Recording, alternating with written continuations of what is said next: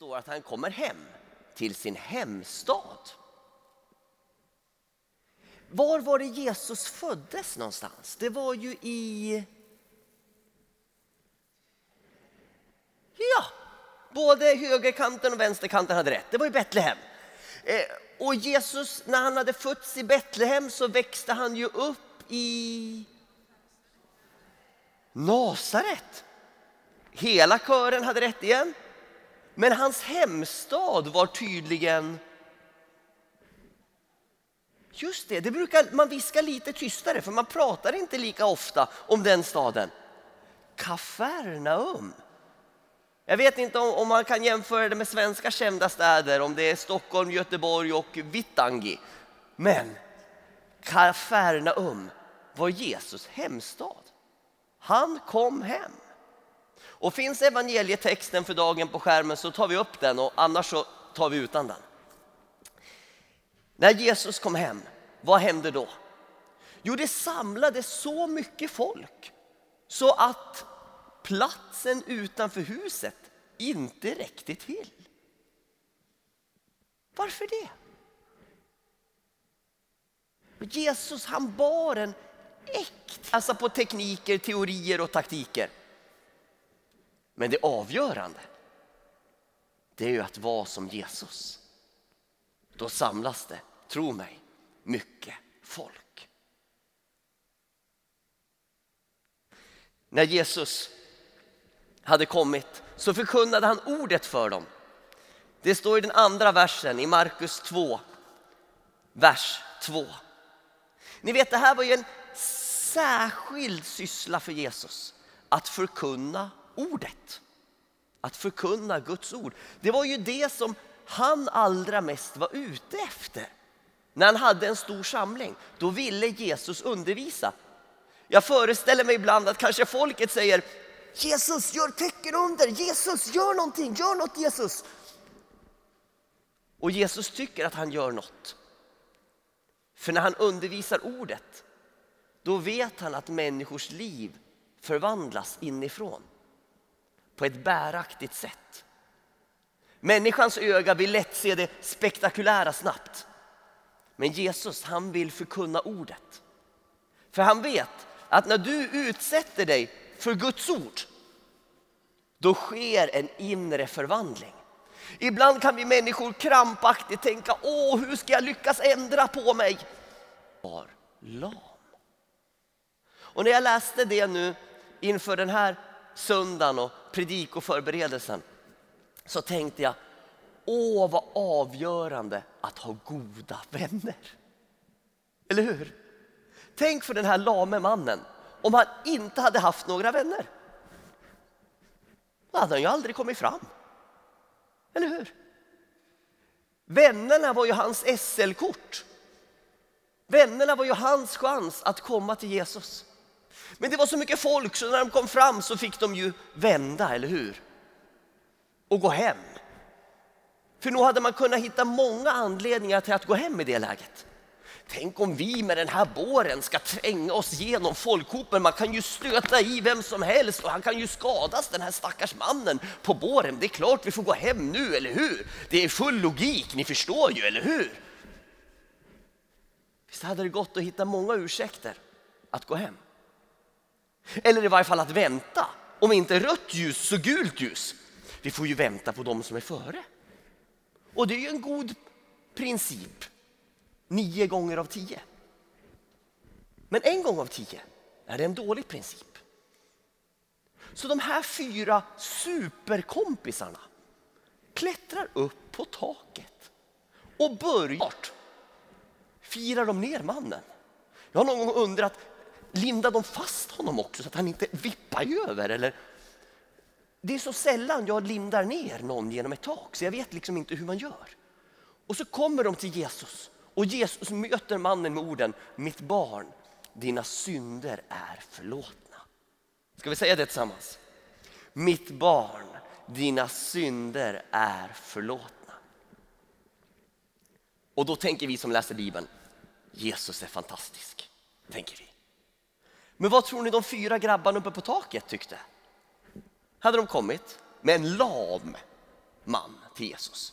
Firat ner honom efter en takförstörelse i Kafarnaum. När det inte ens finns plats med, utanför huset för allt folk. Vad tror ni de tyckte? Tror ni de hade sagt, åh vad fint, nu går vi hem.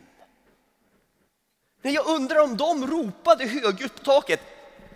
Nej Jesus, fel, fel! Ser du inte? Förstår du inte varför vi har gjort allt det här? Du, du ska inte förlåta honom hans synder. Du ska ju superstolt över allt du tänker. Du behöver inte svara på det, jag kan bara vittna själv. Man tänker, åh jag skulle vilja tänka något annat än det där. Så kan det ju vara i vår tid också nu med pandemin. Att det sätts press på oss på olika sätt. Press på att man borde träffas eller inte få träffas eller borde jobba eller inte borde jobba. Eller... Men det här är inte första gången i historien som vi sätts under press, vi människor. Jag läste om Charles Spurgeon, den brittiske eh, predikanten, bibelläraren som levde på 1800-talet i England. Då var det koleraepidemi i England. Och Charles Spurgeon verkade, han har skrivit tusentals hyllmeter med bibelkommentarer och predikningar. Gå till exempel på blueletterbible.org, blueletterbible.org och läs om Charles Spurgeon. Han gav fem råd för den tidens kristna i koleraepidemin. Och de fem tänkte jag berätta om för er. De fem kommer här. Nummer ett. Prioritera din lokala tjänst.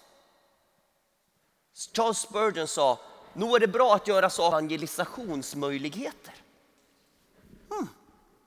När en dörr stängs så öppnas en annan. Så har jag också tänkt på till exempel våra sensommarandakter på Lindholmen som vi hade. Eller vårt kyrkfika som vi hade digitalt med Karl-Erik. Jag tänker att de ser ungefär en promille av befolkningen. Ungefär 10 000 människor ser ett sådant program. Och då tänker jag, det kanske inte hade hänt om det inte hade varit för den här katastrofen. Det är inte att det är bra med någon katastrof och pandemi, det är hemskt för oss människor. Men håll ögonen öppna, säger Charles, för nya evangelisationsmöjligheter. Och han säger till sist, lägg ditt liv och din kyrka i Guds händer. Det är ju en av alla följder som kommer av nöd. Att vi förstår att vi är dödliga och att vi förstår att vi inte klarar oss genom livet själva.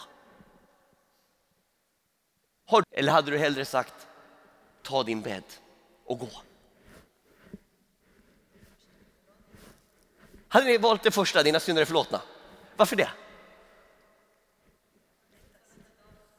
Ja, precis. Det är lättare att säga för det är mestadels ett inre verk. Det syns inte på samma sätt. Men som Charles eller någon annan av dem jag har läst skrev, båda är ju omöjliga att säga. För människan är det ju omöjligt att säga. Men när man lägger Guds godhet och Guds möjligheter på det omöjliga.